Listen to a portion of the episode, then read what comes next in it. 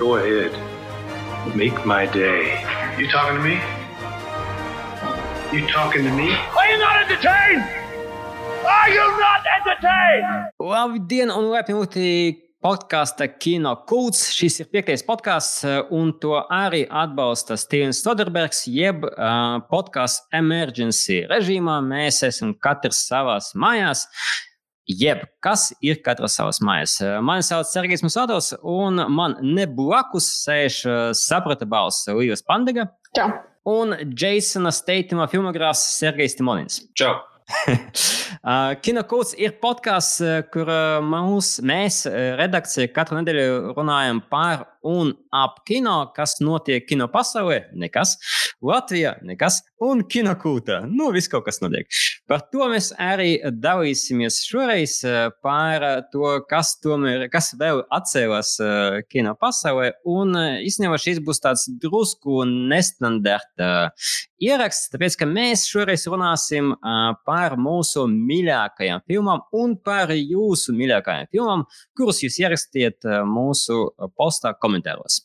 Šo podkāstu var klausīties no mājām jūsu mīļākajā podkāstu aplikācijā, tādas kā Apple Podcasts, Overcast, Anchor FM Un mēs ļoti paaugsim jūs, ja jūs klausāties mūsu jūsu aplikācijā, teiksim, kā Apple podkāsts, un tur ir iespēja atstāt uh, recenziju vai piecas zvaigznes, tad atstājiet lūdzu, tāpēc ka tas palīdzēs mums uh, izziņot visiem pārējiem klausītājiem, ka mēs eksistējam un varbūt ieinteresēt kādu kinofānu vēl.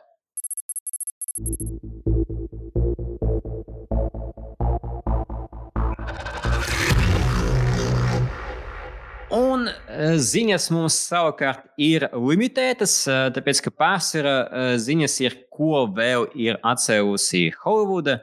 Sergei, ko atcēlusi Holivuda? Nu, būtībā jāsaka visu, tāpēc, ka šobrīd ir apturētas visu Marvelu un uh, filmu un televīzijas seriālu ražošana. Tā skaitā, piemēram, kas viņam tagad bija Shang-Chi. Uh, Doktor Strange sāka plānoja uzsākt uzņemt jūnijā. Viņam it kā preprodukcijas notiekot attālināti, bet nu, ko tas īsti nozīmē. Uh, Matrix 4. daļa un uh, Batmans paspēja nofilmēt daļu no ainām bet uh, nu, turpinājumu droši vien filmēs kaut kad vēlāk. Un, laikam jau viskarbāk notika ar neiespējamo misiju septiņu, kur no varēja raksta mēs uzzinājām, ka lielākā daļa filmas darbības bija paredzētas, ka notiks Eiropā. Tā ir skaitā Venecijā. Nu, pat ja tas nav Venecijā, tas neko man šķiet viņiem īpaši daudz nepalīdz. Un uh, nav īsti skaidrs, ko darīt, lai pārrakstītu filmu tā, lai nenotiek Eiropā, vai varbūt vienkārši vērts pagaidīt un, un nu, patrenēties tikmēr. jēgas parakstīt īpaši nav, tāpēc, ka tu vari parakstīt uz jebkuru valsti, un eh, tā valsts vienalga būs slēgta ciet. Kā Venecija nav risinājusi.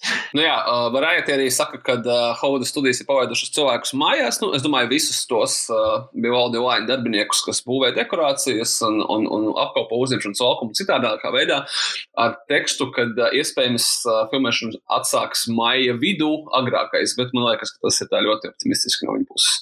Es neticu, ka uh, tev liekas, man liekas, ka tas ir ļoti absurdi optimistiski no viņa puses. Līdzīgi, kā Trumps teica, ka nu, pēc, pēc lieldienām viss būs ok, iesim jau čivot kinoteātros. Nē, nu, īsti laikam tā nesanāks. Es zinu, ka um, kolēģi no, teiksim, um, Londonas runā par to, ka filmēšanas ir atceltas uz turpmākiem diviem, varbūt pat trim mēnešiem. Tā kā kādu laiku noteikti mēs uh, neredzēsim jaunu saturu. Bet varbūt var braukt uh, filmēt uz Baltkrieviju. Jo tur ir pirmkārt Stevens Sīgals, un otrkārt tur nav koronavīrusa epidēmijas. Jo Lukašenko teica, ka noturamies līdz lieldienām, un tad jau viss būs uz labo pusi. Vai arī uh, uz Turkmenistānu, kur valsts ir aizliegusi, nu, totalitārā valdība ir aizliegusi pieminēt koronavīrusu vienkārši šo vārdu. Ja Labojuma atrisināta, vai ne? Nu, jā, viņš tur nav, tāpēc, ka viņa nav.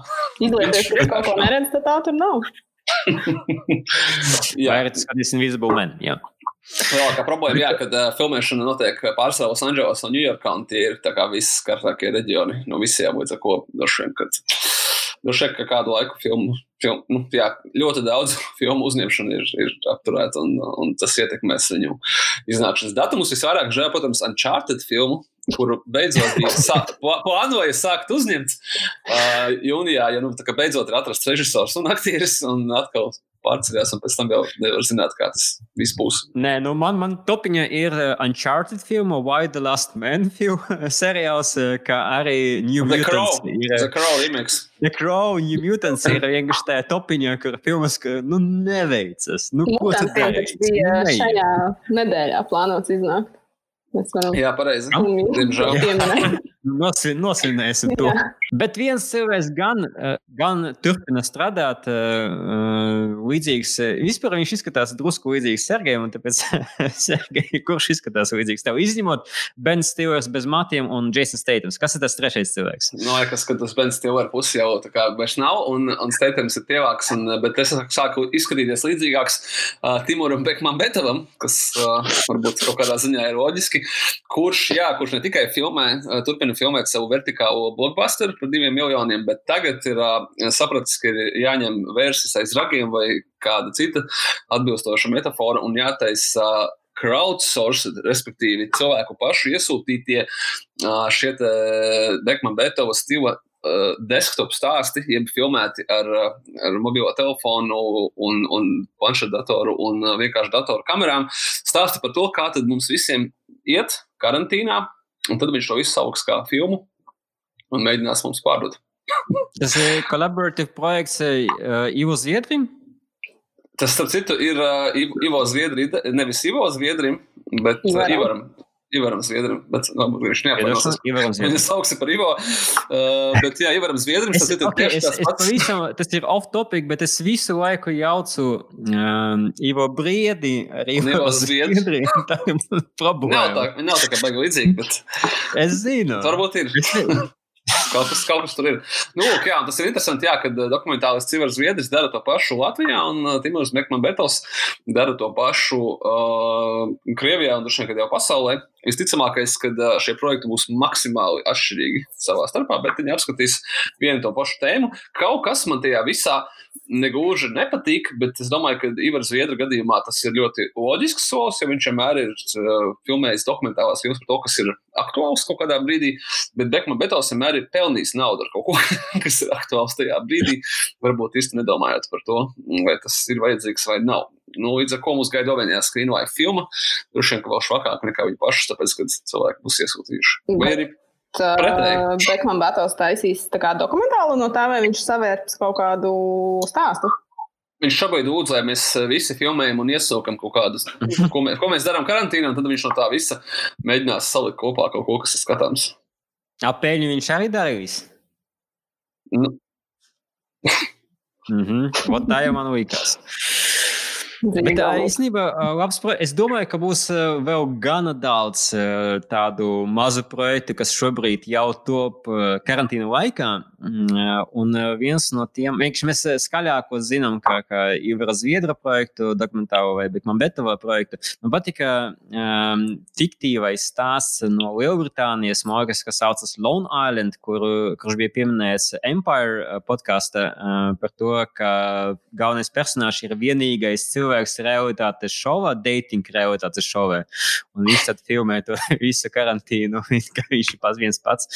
Uh, līdz ar to, jā, es domāju, ka vienkārši būs gana daudz uh, talantīgo cilvēku, kuri tagad uh, sēž mājās un varbūt pa nedēļu jau sarakstīja scenāriju un sāk jau kaut ko filmēt. Un varbūt pēc kādiem diviem mēnešiem mēs sagaidīsim gan vērumu ar uh, Covid-19 projektiem. Bija labs padoms internetā, ka visiem, kam tagad ir droni, vajag izmantot izdevību un safilmēt visādus skatus ar tukšām ielām. Tad pēc tam varēs pārdot kā stock footage vēl desmit gadiem ilgi pēc tam visām filmām un visādiem stāstiem, jo tieši vajadzēs. vai arī filmēt Mhm. ar dronu dokumentālo filmu par kojotiem San Francisco. tad tā kā National Geographicam pārdot. Un, Tas ir iespējas, ir jāmāk tikai tās saskatīt. jā, kas vēl strādā no mājām? Un vēl no mājām strādājot, uh, Džordžs Millers, kurš uh, ir acīm redzot gatavs ķerties pie ilgi solītā turpinājuma Mad Max Fury Road filmai. Tajā mēs iepazināmies ar Šarlīsu Terānu Furiosu. Un tad ir doma taisīt tā kā filmu, kas ir veltīta viņai. Uh, nu, pieci gadi pagājuši kopš Mad Max, nekas mums kā vēl nav, bet nu, cerība prām ir. Un uh, viena no kandidātēm šai filmai, es gan nesaprotu līdz galam, kādā īsti lomā, bet uh, ir à, tieši kur jau. Ok, es to nebiju līdz galam sapratusi, bet ir uh, Aņa Taylor Joy, viena no šobrīd aktuālākajām, interesantākajām aktrisēm, varētu pat teikt. Nu, padās viņa bija Emma redzama, uh, The Witch, protams, arī un daudz kur citur. Un, uh, jā, man liekas, viņu varētu iedomāties šajā tūkstošainajā pasaulē. Kāpēc ne? Tur uh, bija, man liekas, viņam vairākas idejas. Viena bija turpinājums ar Hardiju, un otra bija prequels. Tad viņš acīm redzot, darīs kaut kādā ziņā to vieglāko ceļu. Nu, varbūt neskaitot visus iepriekšējā daļas aktieru kontraktus un vienkārši taisīs prequel. Bet varbūt tas arī kaut kādā ziņā interesantāk ir, tāpēc, ka Furiosa tomēr bija interesantāks personāžs no, no, no Mad Max Fury Road nekā varbūt pat pats Maks. Bet jautājums, vai mums vajag zināt, kas tur viņai, teiksim, kāds ir tas viņas backgrounds. Kaut ko jau mēs par viņu zinām, mēs uzzinājām jau tajā filmā, bet vai, teiksim, vai man vajag zināt, kā viņa to roku zaudēja? Vai... Es tieši gribēju teikt, tas taču ir tik ļoti svarīgi. Mēs vienmēr esam par to domājuši. Kā... Es pieļauju, ka viņa aizgāja vienkārši haikot, un viņa visu nokrita akmens, un viņa 128 stundas tur gaidīja. un tad atnāca ar nāzi. Nu, Bet man jautājums drīzāk tāds, ka ja tas ir prequels, Tad kāpēc nosaukumi ir Mad Max Furiosa? Tā kā es jau saprotu, Mad Max Fury Road, bet uh, Mad Max Furiosa, tā kā varbūt Mad Furiosa un visiem skaidrs, ka tas ir Mad.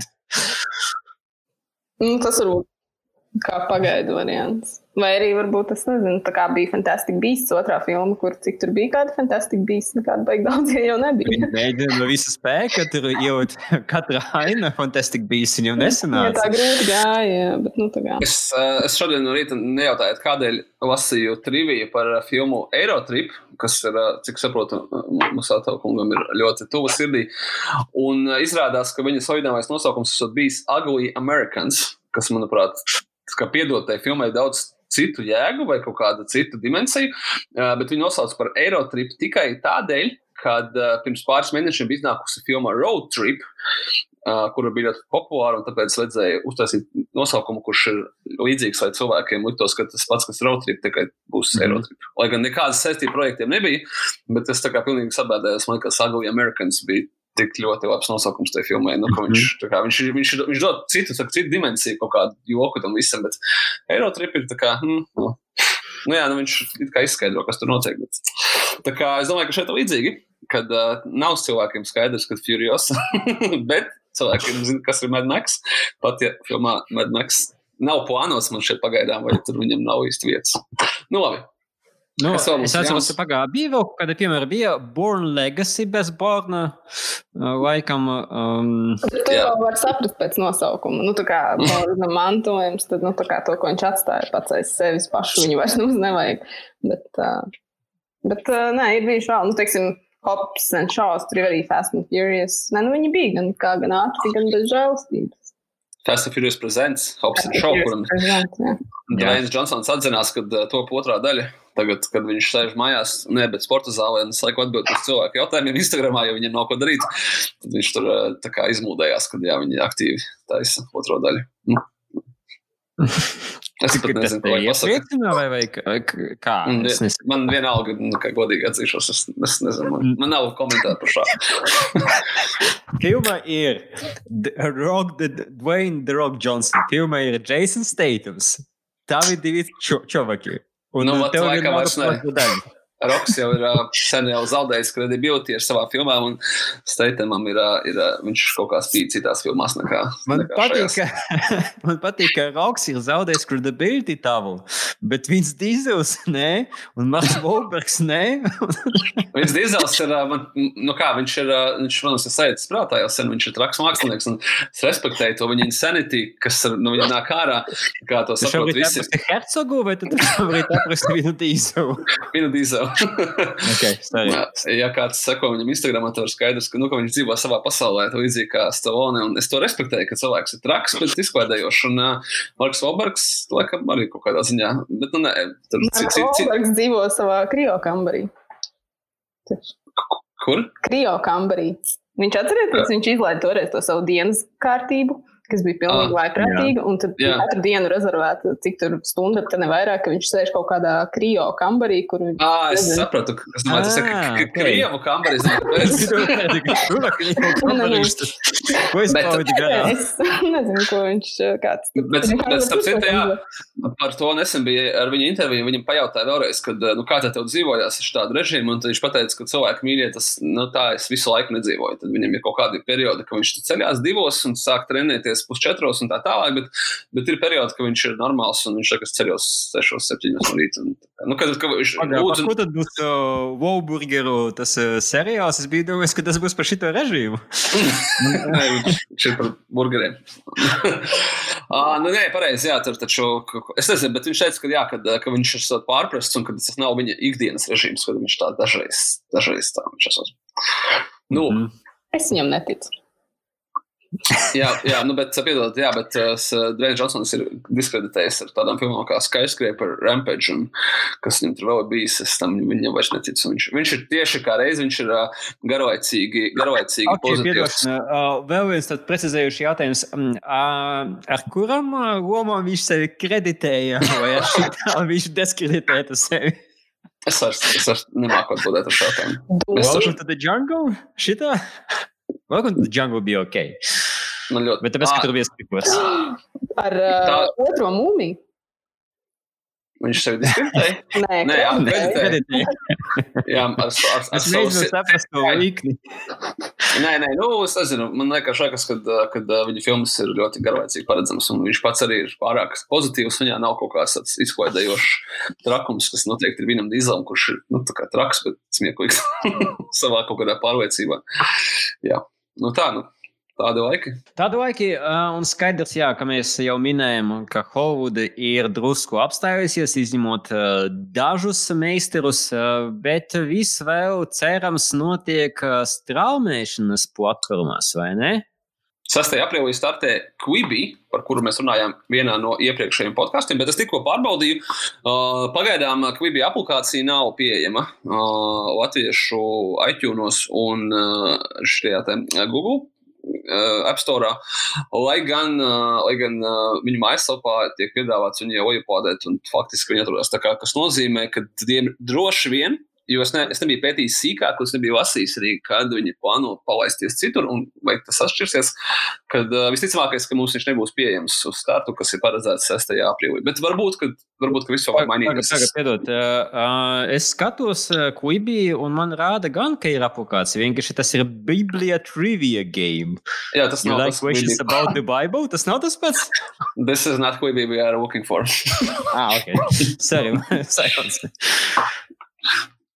Uh, nav, bet uh, mēs ļoti gaidām, tāpēc ka tieši tagad uh, viņi, uh, ne tieši tagad, bet pirms dažām nedēļām viņi izsludināja arī, ka, um, ja jūs gribētu izmēģināt, tad viņi dos 90 dienas bez maksas uh, trāju periods.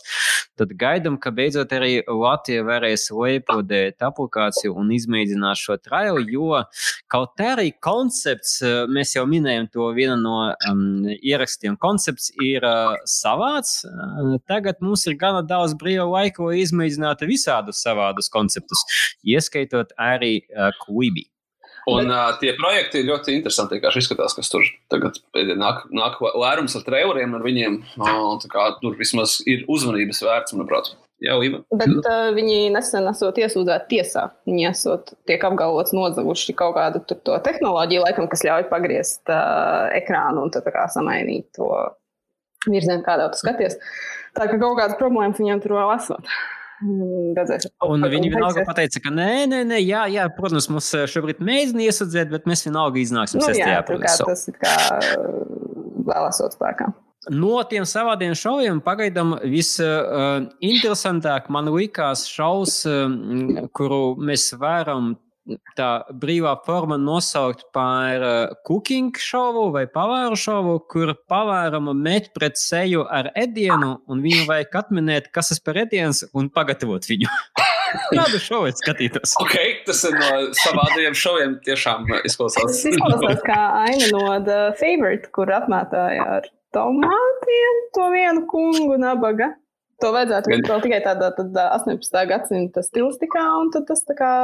Jā, es ļoti ceru, ka Jorgis arī tieši tas šo veidot šo filmu. Tas izklausās pēc kaut kā, kas varētu viņa galvā radies būt.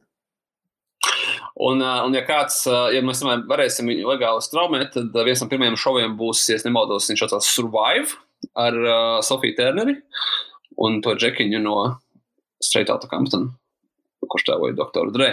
Uh, par, par to meiteni, kas ir izdzīvojusi avio katastrofā un kalnos, viņa paliek divi tālu, viņiem ir jāizdzīvo. Tad uh, droši vien daudz nezinu, bet viņš tika uzņemts Latvijā pagājušā gada vasarā Sofija Tērnera.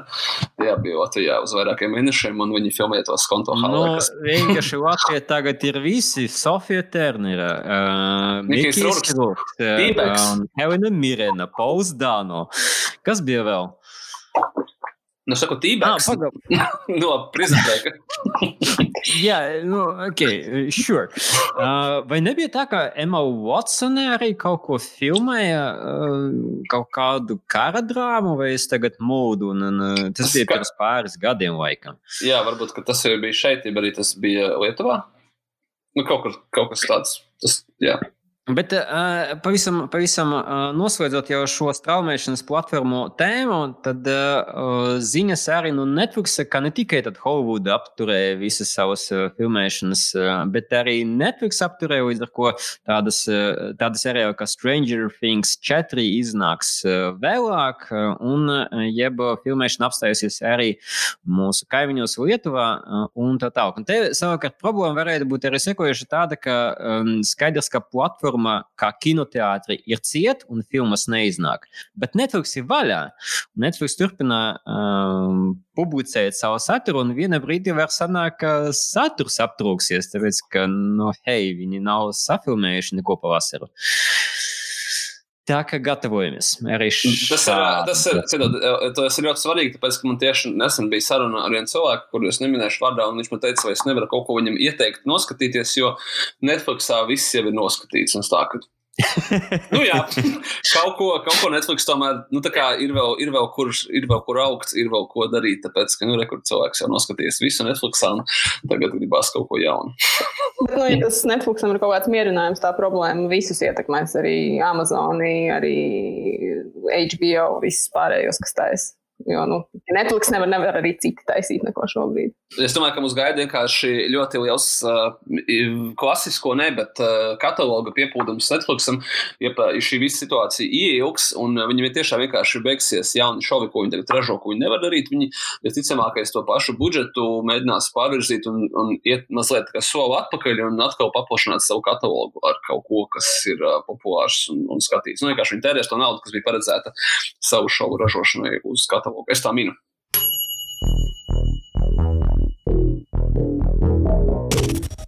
Pirms pāris nedēļām mēs uzdevām jautājumu arī uh, mūsu klausītājiem, ko viņi gribētu dzirdēt no mums. Un viens no tiem jautājumiem uh, bija, kāda ir jūsu mīļākā filma? Un mēs uh, gribētu izmantot tieši šo iespēju, kad mums ir nestandarta ieraksti un atbildēt uz dažiem no tiem jautājumiem, tieši pieceroties klāt šim pirmajam mīļākās filmas. Un varbūt dosim Līvai pirmajai vārdu, jā, Līva.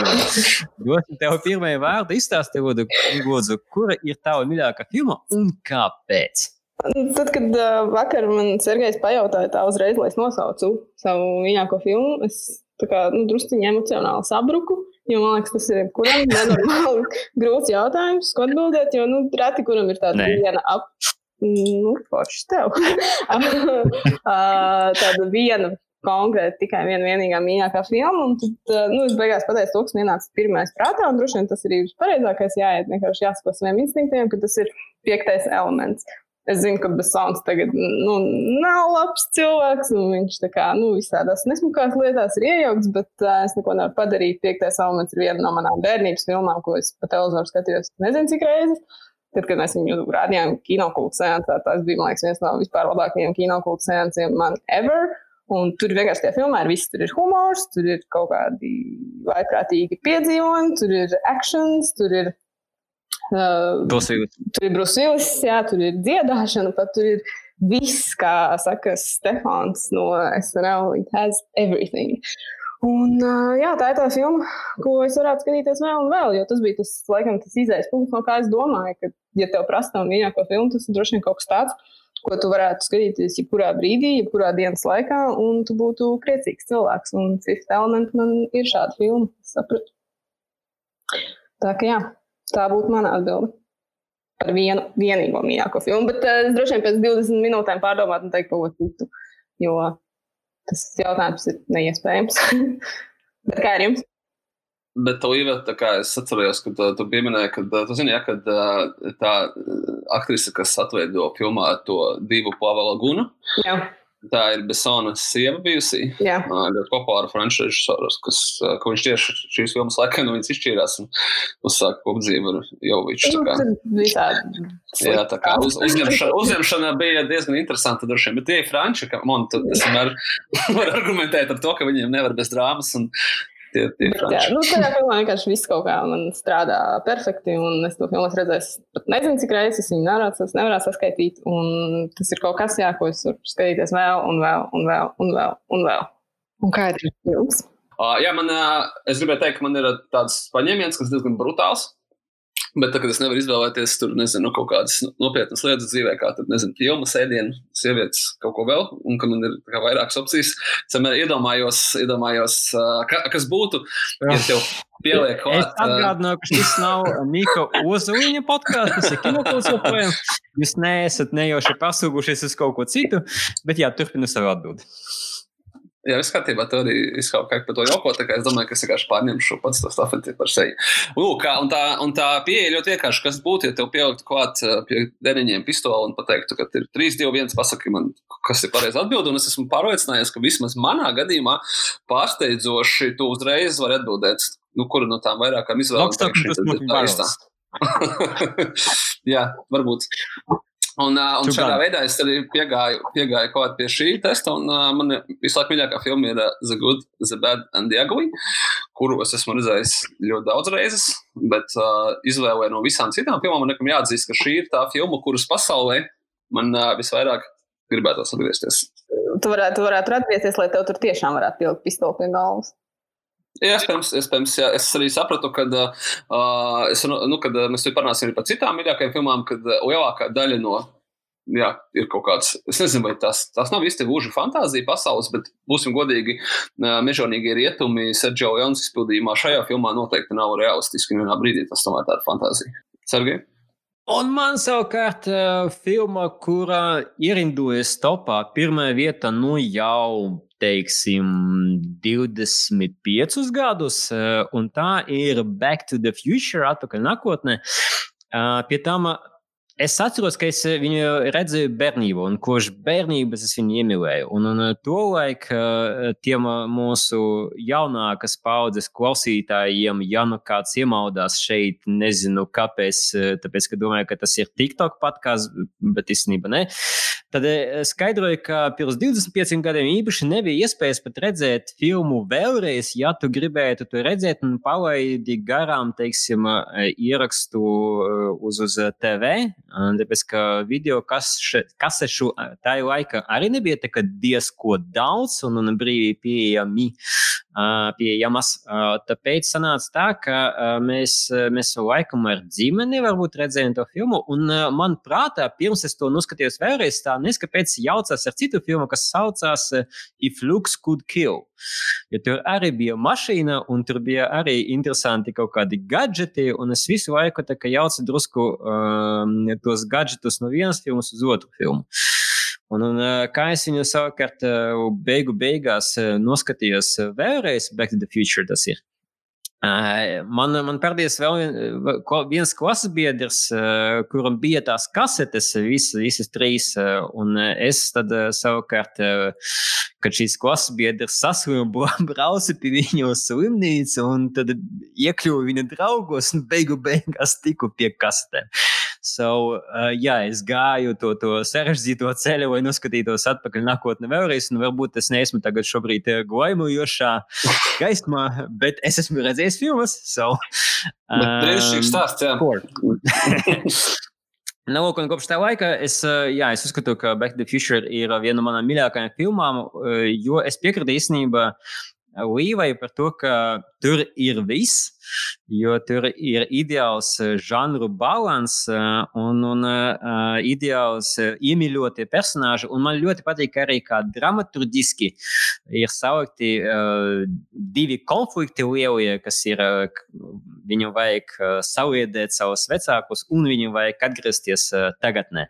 Jeb uh, dažādi konflikti, kurus uh, galvenajam vēram vajag atrisināt, un, un viņi ir ļoti skaidri un interesanti salikti pa plauktiņiem. Un, un savukārt par žanriem man vienkārši fascinēja, kā uh, Robertam Zemekasam izdevās uh, ar producentu Stevenu Spielbergu nu, skaidrs, ka meistari, kuri jau kombinē tos žanrus, viņam izdevās savot gan zinātnisko fantastiku ar ceļošanu laikā, kas ir tāds mans mīļākais temats no fantastikas, gan iedot to absurda, paradoxālo problēmu, ja, ja tu satiktu vecākus un izjauktu viņu attiecības, vai tu spēsi saliedēt, jo citādi tu beigsi eksistēt.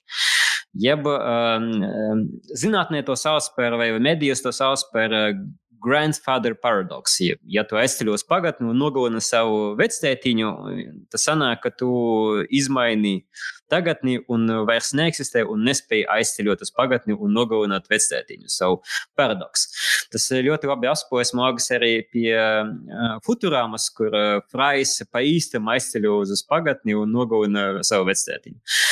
Uh, nu, lūk, un, un te bija komēdija un piedzīvojuma filma. Un īstenībā ir pat drāma par vecākiem, jo, jo ja kāds neatceras vai sen nav redzējis atpakaļ nākotnē, tad vecāku situācija pašas filmas sākumā ir diezgan tāda nogurdinoša, sveša skumja. Tur laikam ir problēmas ar alkoholu, un, un uh, sociāli tā, tā, tā, tie, tie vecāki un, un, un tie personāļi nav īpaši stabili. Līdz ar to man liekas, ka tur ir pat paslēpta tā drāma, kur mēs labāk izprotam mūsu vecākus un kas viņus motivē, un, un skatāmies uz viņiem kā īstiem cilvēkiem, nevis kā, hei, personāžu mamma un personāžu tētis. Līdz ar to, jā, ļoti daudz kaut kā, kas ir ielikts vienā filmā. Ja, man, ja tava māma sāk tev sist kanti, tad tu viņu sāc labāk saprast. ok. Jā, tas was my point. es uzskatu, ka otrajā un trešajā daļā ir uh, izveidots uh, lielāka emocionāla slodze uz galveno personāžu, uz Martiju, jo pirmā daļa viņš tomēr ir vairāk kā, kā personāžs, um, kurš um, no filmas sākuma līdz filmas beigām īpaši nemainās. Bet viņš mainās otrajā, trešajā daļā. Bet otrajā daļā problēma ir sekojoša. Ka otrajā daļā viņš aizceļo uh, prom uz nākotni, un nākotnē viņš satiek uh, savu nākotnes versiju, vai ne? To jūs visi atceraties. Jā. Nu, lūk, mēs zinām, ka pirmajā daļā, kad uh, Doks Browns pildīja savu laika mašīnas testu, viņš ielika mašīnā savu suni Einsteinu, un tas suns aizceļoja minūti uz nākotni, vai ne? Mēs redzējām, ka, kad eh, suns aizceļoja minūti uz nākotni, tad to minūti viņš nebija uz pasaules, viņš nebija nekur, viņš ceļoja laikā. Tas nozīmē, ka otrajā daļā, kad Martīs ceļo uh, no tagadnes uz nākotni, uz 2015. gadu, vajadzētu būt tā, ka viņš aizceļo uz 15. gadu, un visi tā pateiks, hei, kur tu biji 30 gadus? Tāpēc, ka viņš nav uz tās planētas, viņš nav uz Zemes, viņš ir ceļojis laikā, līdz ar to otrā daļa īstenībā doesn't make any sense. Sorry. Joprojām patīk, bet tas ir mans komentārs. Nečakarē uzmanības savas kino. es redzēju to ļoti daudz reizes, tāpēc es par to domāju.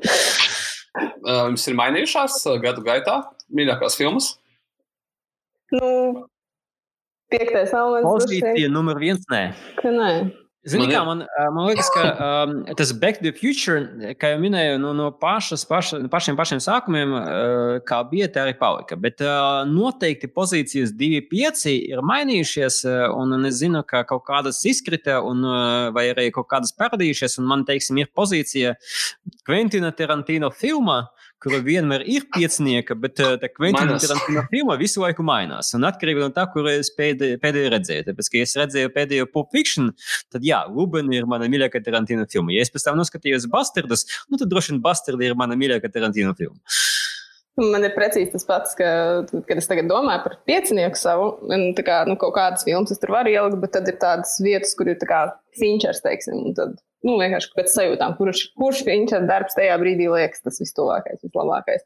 Bet uh, pēc, ne, papsīs, pēc 20 minūtēm, iespējams, ka tas jau būs pilnīgi kaut kas cits. Varbūt viņš vispār nebūs tajā topā. Tā grūti pateikt. Tas 2 līdz 5 tiešām. Nu, tā, nu, grūti, jā, tad es kā saku, ik pa laikam, kad es domāju par to savu piecinieku, es kaut ko iedomājos, un tad tas nozīmē, ka kaut kas cits jāizmet ārā, un tad tikai tās filmas tās nāk prātā, nāk prātā, un tad tajās sanāk 50 beigās.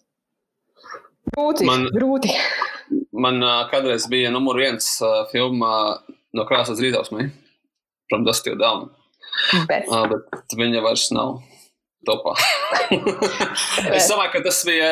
Es biju, tā, es biju stipri jaunāks, es domāju, ka pats, pats negadnieks. Un, uh, es domāju, ka man vienkārši patika tas uh, stils un tas tāds mīkls, kā tā filma ir uztaisīta. Tur ir humors, tur ir ļoti melns un ļoti asiņaini, un tur ir vampīri, kas man ļoti fascinē tieši vampīru kino, un tur ir bandīti, un tur, tur ir Tarantino. Un tā, nu, viss, viss tas kopā tāds uh, skaidrs, ka uh, tā filma joprojām strādā, tās, tās ļoti traks kokteils, bet uh, vai tā būtu mana mīļākā filma, es domāju, ka nē, nu, vairs, vairs nē. Es, es vienkārši viņu, tā ir forša filma, viņa nav man īsti vairs topā. Tu viņu izmeti? Jā. Pat nav piecinieka? Jā, nā, nav piecinieka. Nav. Nu, nē, viņi, viņi vienkārši pie kategorijas uh, superīga filma, man viņa patīk, bet es, ne, es neesmu vairs tā kā, kad es, es pie viņas īsti neatgriežos vairs atpakaļ, kad es redzēju viņu pārāk daudz toreiz, lai, lai atgrieztos vēlreiz. No tā, tā kaut kā. Bet uh, man, man bija cīņa uh, Good Bad Ugly ar Fight Club par pirmo vietu, kurš man ir, laikam, visu laiku ir bijis pirmajā vai otrajā vietā, kopš es nostājos.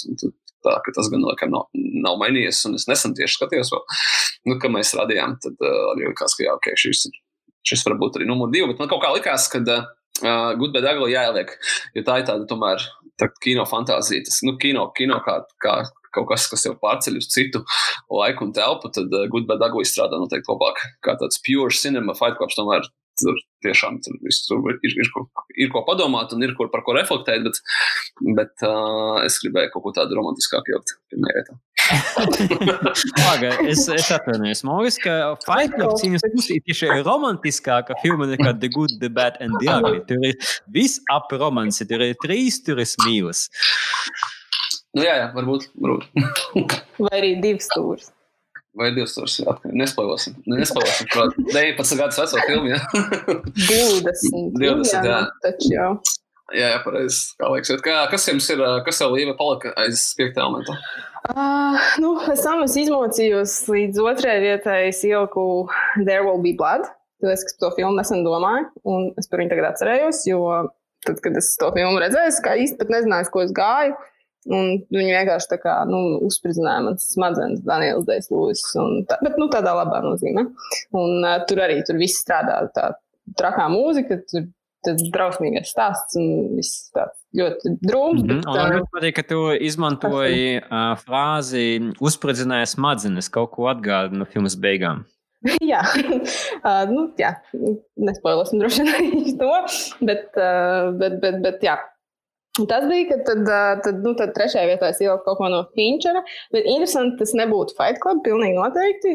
Nu, es, es respektēju visas viņa filmas, bet Fight Club nav man mīļākais. Izvēlētos starp Seven, The Social Network un nepopulāru izvēli, bet Benjamin Buttons. Man ļoti patīk Benjamin Buttons. Patiešām. Un es to tā nejokoju. Man liekas, to filmu vajag noskatīties. Viņa palika ļoti nenovērtēta. Toreiz viss tur runāja tikai par tām tehnoloģijām un to pārējo. Un, kad tas stāstās, nu, kāds īstenībā tas stāsts ir brīnišķīgs. Tad uh, ceturtajā vietā es ieliku savu Batman Returns, jo tur ir pēc sieviete. Un piektajā Lord of the Rings, The Two Towers, jo tā ir no visām trim man mīļākajām. Wow! Jā. The Two Towers! Jā. No visām. Interesanti. Kāpēc tieši to? Tāpēc, ka, uh, nu, Lord of the Rings vispār ir tas, kas man liekas, man piesaistīja kino. Es noskatījos pirmo, un tas bija tāds ļoti interesants piedzīvojums. Un tad The Two Towers pēc uh, fellowship iznākšanas bija tāda, man liekas, tāda pirmā filma, ko es nenormāli gaidīju. Un es tur līmēju kladēs visas avīžu žurnāla izgriezumus un sekoju līdzi, kad tā filma iznāks, kādas tur ziņas ir un vispārējais. Un tad, man liekas, tas hype man par to filmu bija tik liels, ka es tad, kad viņi sagaidīja, viņš arī tā kā uh, attaisnoja sevi. Nu, pēc tam bija arī Return of the King, bet uh, The Two Towers man kaut kā vienmēr palicis. Ir. Tur ir vislabākās Legolas sejas izteiksmes, tur ir. Uh, Tur uh, viss ir. Tā kā Legolas aina, kur viņš surfo ar to arī, protams, vairogu. Jā. Tur ir uh, Aragorns, tur tās durvis attaisnotas. Nu, tur viss tā ļoti labi. jā, jā, tā ir labākā durvju atvēršanas aina kino vēsturē. Kā viņš, at, kā viņš atver durvis vaļā, tajā filmā tā neviens nekad nekur nav vērs durvis vaļā. Tas ir. Nu, jā, nu, tur ir tā Helma dzīves cīņa otrajā filmas daļā. Nu, tur kaut kā, man liekas, tas viss man ļoti vislabāk nostrādāja. Nu, tā kā Return of the King un Fellowship arī ir brīnišķīgs filmas, bet um, The Two Towers man sirdī stūmāk. Tur vēl kādas kontroversiālas viedokļas droši vien arī pastāstīt. bet, uh, bet, jā, bet nu, tas mans piesniegts, kāda ir jūsējie. Sagi. Es atbildot arī uz jautājumu par to, vai filmas ir mainījušās, mīļākas, tad vat, Big Lebowski būtu tāds piemērs, cik ļoti mainījies. Jo, kad es pirmo reizi noskatījos to pirms cik 10, varbūt 15 gadiem, Um, es pieļauju, ka drīzāk pat desmit. Um, tad uh, es viņu netik ļoti izbaudīju. Es zinu, viņa bija fine, viņa bija laba, bet es nesaprotu to visu kulta statusu. Es tagad domāju, tas nevarētu būt desmit, tas būtu agrāk. Bet pēc tam, kad es pie viņas atgriezos, es viņu sāku izbaudīt aizvien vairāk un vairāk. Tikpat ļoti, ka es pēc tam gāju uz īpašo sēnsu Londonā, Prince Charles Cinema, kas saucās tas quote long sense, un kur visi skatītāji citē līdzi filmai. Un, un tad es, eh, būdams jau diezgan eh, aktīvs fans, zināju visus tos foršākos citātus, un tad sapratu, ka es nezinu to filmu tik labi, kā daži no cilvēkiem, kuriem zināja visu scenāriju un maz, mazākas rindiņas, kas skan fonā uz televizoru. Uh, bet uh, ļoti patīkams uh, noir detektīvs no brāļiem Koeniem, um, kas, es teiktu, ir gara stāvokļa filma, jo mēs vienkārši ar filmu izpūdam cauri kopā ar uh, galvenajiem personāžiem. Un tieši šādi, ja pie tam vēl ir uh, uzbūrs gara stāvoklis ar kādam īpašām substancēm, tad uh, šīs kino piedzīvojums kļūst uh, ļoti baudāms. Labi, vēl. Par Tarantino pozīciju es jau minēju, jā, man tad visu laiku rotē vai nu Bastardi vai nu Pop Fiction, bet vēl ir Blade Runner. Blade Runner, kuru es arī pamanīju, noskatīties vairākas reizes uz lielu ekrānu, ieskaitot arī mūsu sēnes, un šīs būtu tāds labs hints, kā mēs izvēlamies klasiskos sēnesus, jo visas filmas, kuras nosaucām, bija klasiskie sēnesi. Um, tāpēc uh, tas nav tā, ka mēs skatāmies, ah, kas jūs interesē. Nē, mēs īstenībā rādām, kas jums uz liela ekrāna. Vienkārši to, ko pašiem uh, gribas. Nu, tas ir, tas, jā, tas, jo tas bija jau, okay, kas piektais elements check, uh, uh, yeah. the good, the bad, the ugly check, back to the future, Fight Club, Inglourious Busters, Pulp Fiction. Uh, visas bija. Uh, es nu, gribēju teikt, no, jā, piedodiet, bet nav par ko tas īstenībā.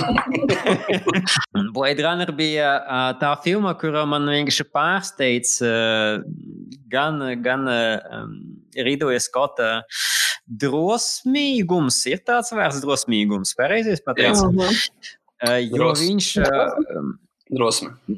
Drosme, jā, viņa, viņa drosme, vai, vai drīzāk angliski tas būtu audacity, jo viņš paņēma uh, to, to sci-fi zinātniskas fantastikas konceptu un uh, tā ja ieterpa arthausa filmu par dvēseli un, un to, ko tieši no kā sastāv cilvēks. Un, un, un man ļoti patīk gan spēlēšanās ar gaismu, gan ar mūziku, gan ar šo filozofisko jautājumu, kuru viņš filmas laikā uzdod. Un uh, vēl viens slots ir līdzīgi kā ar uh, Tarantino. To ieņem Edgars Raits, un tur arī divas filmas, uh, kuras rotē, un tas ir Shaun of the Dead vai Hot Fuzz. Jo abas es ļoti, ļoti mīlu, un, un uh, katru savā ziņā, tāpēc ka the Dead bija tomēr tāda pirmā iepazīšanās ar, ar Raitu. Space tas seriālu redzēju tikai pēc tam. Un, un, bet Hotfuzz man liekas, ir ciešāk, ciešāks scenārijs un, un, un um, ātrāki, dinamiskāki joki. Līdz ar to uh, abas, abas mīlu, abas skatos. Un, un atkarībā no garastāvokļa, tad mainās arī šī pozīcija.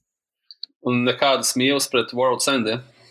Es nezinu, es World's End noskatījos mākslas divreiz, un, un, un man tā kā likās ok, bet um, es, es noteikti došu viņu vēlreiz iespēju. Bet no, no Korneta trilogijas, ja kāds nezina, Korneta trilogija ir trīs filmas, tas ir Shaun of the Dead, Hot Fuzz un The World's End. Un kāpēc Korneta? Tāpēc, ka katrā filmā ir uh, Korneta saudējums uh, savā krāsā. Un tad uh, Shaun of the Dead bija sarkanā krāsa, tāpēc, ka bija par zombijiem. Uh, Hot Fuzz bija zilā krāsa, tāpēc, ka bija par policistiem, un World's End bija zaļā krāsa, jo bija par citplanētiešiem. Un, un uh, es to, to zaļo krāsu un zaļo karnetu kaut kā tomēr uh, ne tāda līmenī mīlu, kā pirmās divas. Ziniet, kā tur tagad to filmu atceroties, uh, un uh, salīdzinājumā īpaši ar pirmajām divām, uh, es izvēlētos to angļu vārdu forced, Viņa ir kaut kāda mazliet tāda forša, un patiesībā jau viņai bija tāda bijusi bēdīga vēsture. Viņam bija tas producents, kurš ir producējis Raitam iepriekšējās divas, un man liekas, vēl varbūt arī spēst. Uh, viņam bija, viņam bija vēzis atklāts, un Raitam bija ļoti svarīgi uzfilmēt šo filmu pirms uh, viņš nomirst un uh, ar viņu palīdzību. Tāpēc varbūt viņi tiešām ir bijuši forši. Jo, ja nebūtu bijis tādas steigas, tad viņš iespējams būtu kaut kādu laiku pagaidījis, vēl kamēr būtu tā, ka iestājies īstais brīdis filmēt. Jo skaidrs, ka Šauna Zedēda un Hot Fuzz gadījumā tur bija kaut kāda cita enerģija, ka viņi taisīja tieši to, ko viņi grib taisīt, un, un, un tas bija kaut kā citādāk. Lai gan, lai gan uh, World Center filmē ir ļoti daudz, manuprāt, pulsu un viss kaut kas foršs. Nē, es nesaku, ka tā ir slikta filma. Tā ir ļoti baudāma filma. Vienkārši man viņa tā neaizvelk līdz, līdz uh, tām citām filmām. Okay.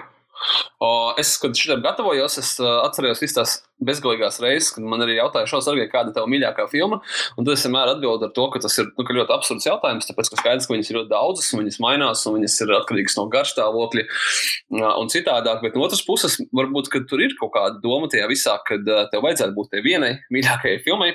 The Good, The Bad and the Ugly ir arī Quentin Tarantino mīļākā filma, ko es vienmēr arī pastāstu. Nu, nav jautājumu, kāpēc tā ir mana mīļākā filma, un to nav diskusija, kāpēc tieši šī. Nu, tā kā Tarantino pateica, ka viņi ir, tāpēc arī viņi ir. Viss.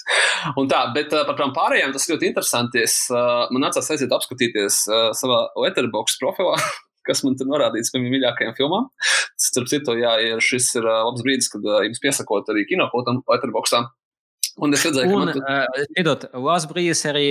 Es zinu, ka mēs uh, ar savu aktivitāti aizvilkam gana daudz cilvēku uz Letterboxd, bet, būsim godīgi, varbūt ne visi zina, kas ir Letterboxd. Tas ir sociālais tīkls kino faniem, jeb mūsu mīļākais sociālais tīkls, kuru var ierakstīt gan gan to, ko mēs esam noskatījušies, gan atstāt recenziju, gan eh, ļoti vērtīga funkcija ir taisīt watchlist, kur ir tūkstošiem jau filmus, kurus eh, jautājums, eh, kas pērdās, ko tu dari lockdown un karantīna.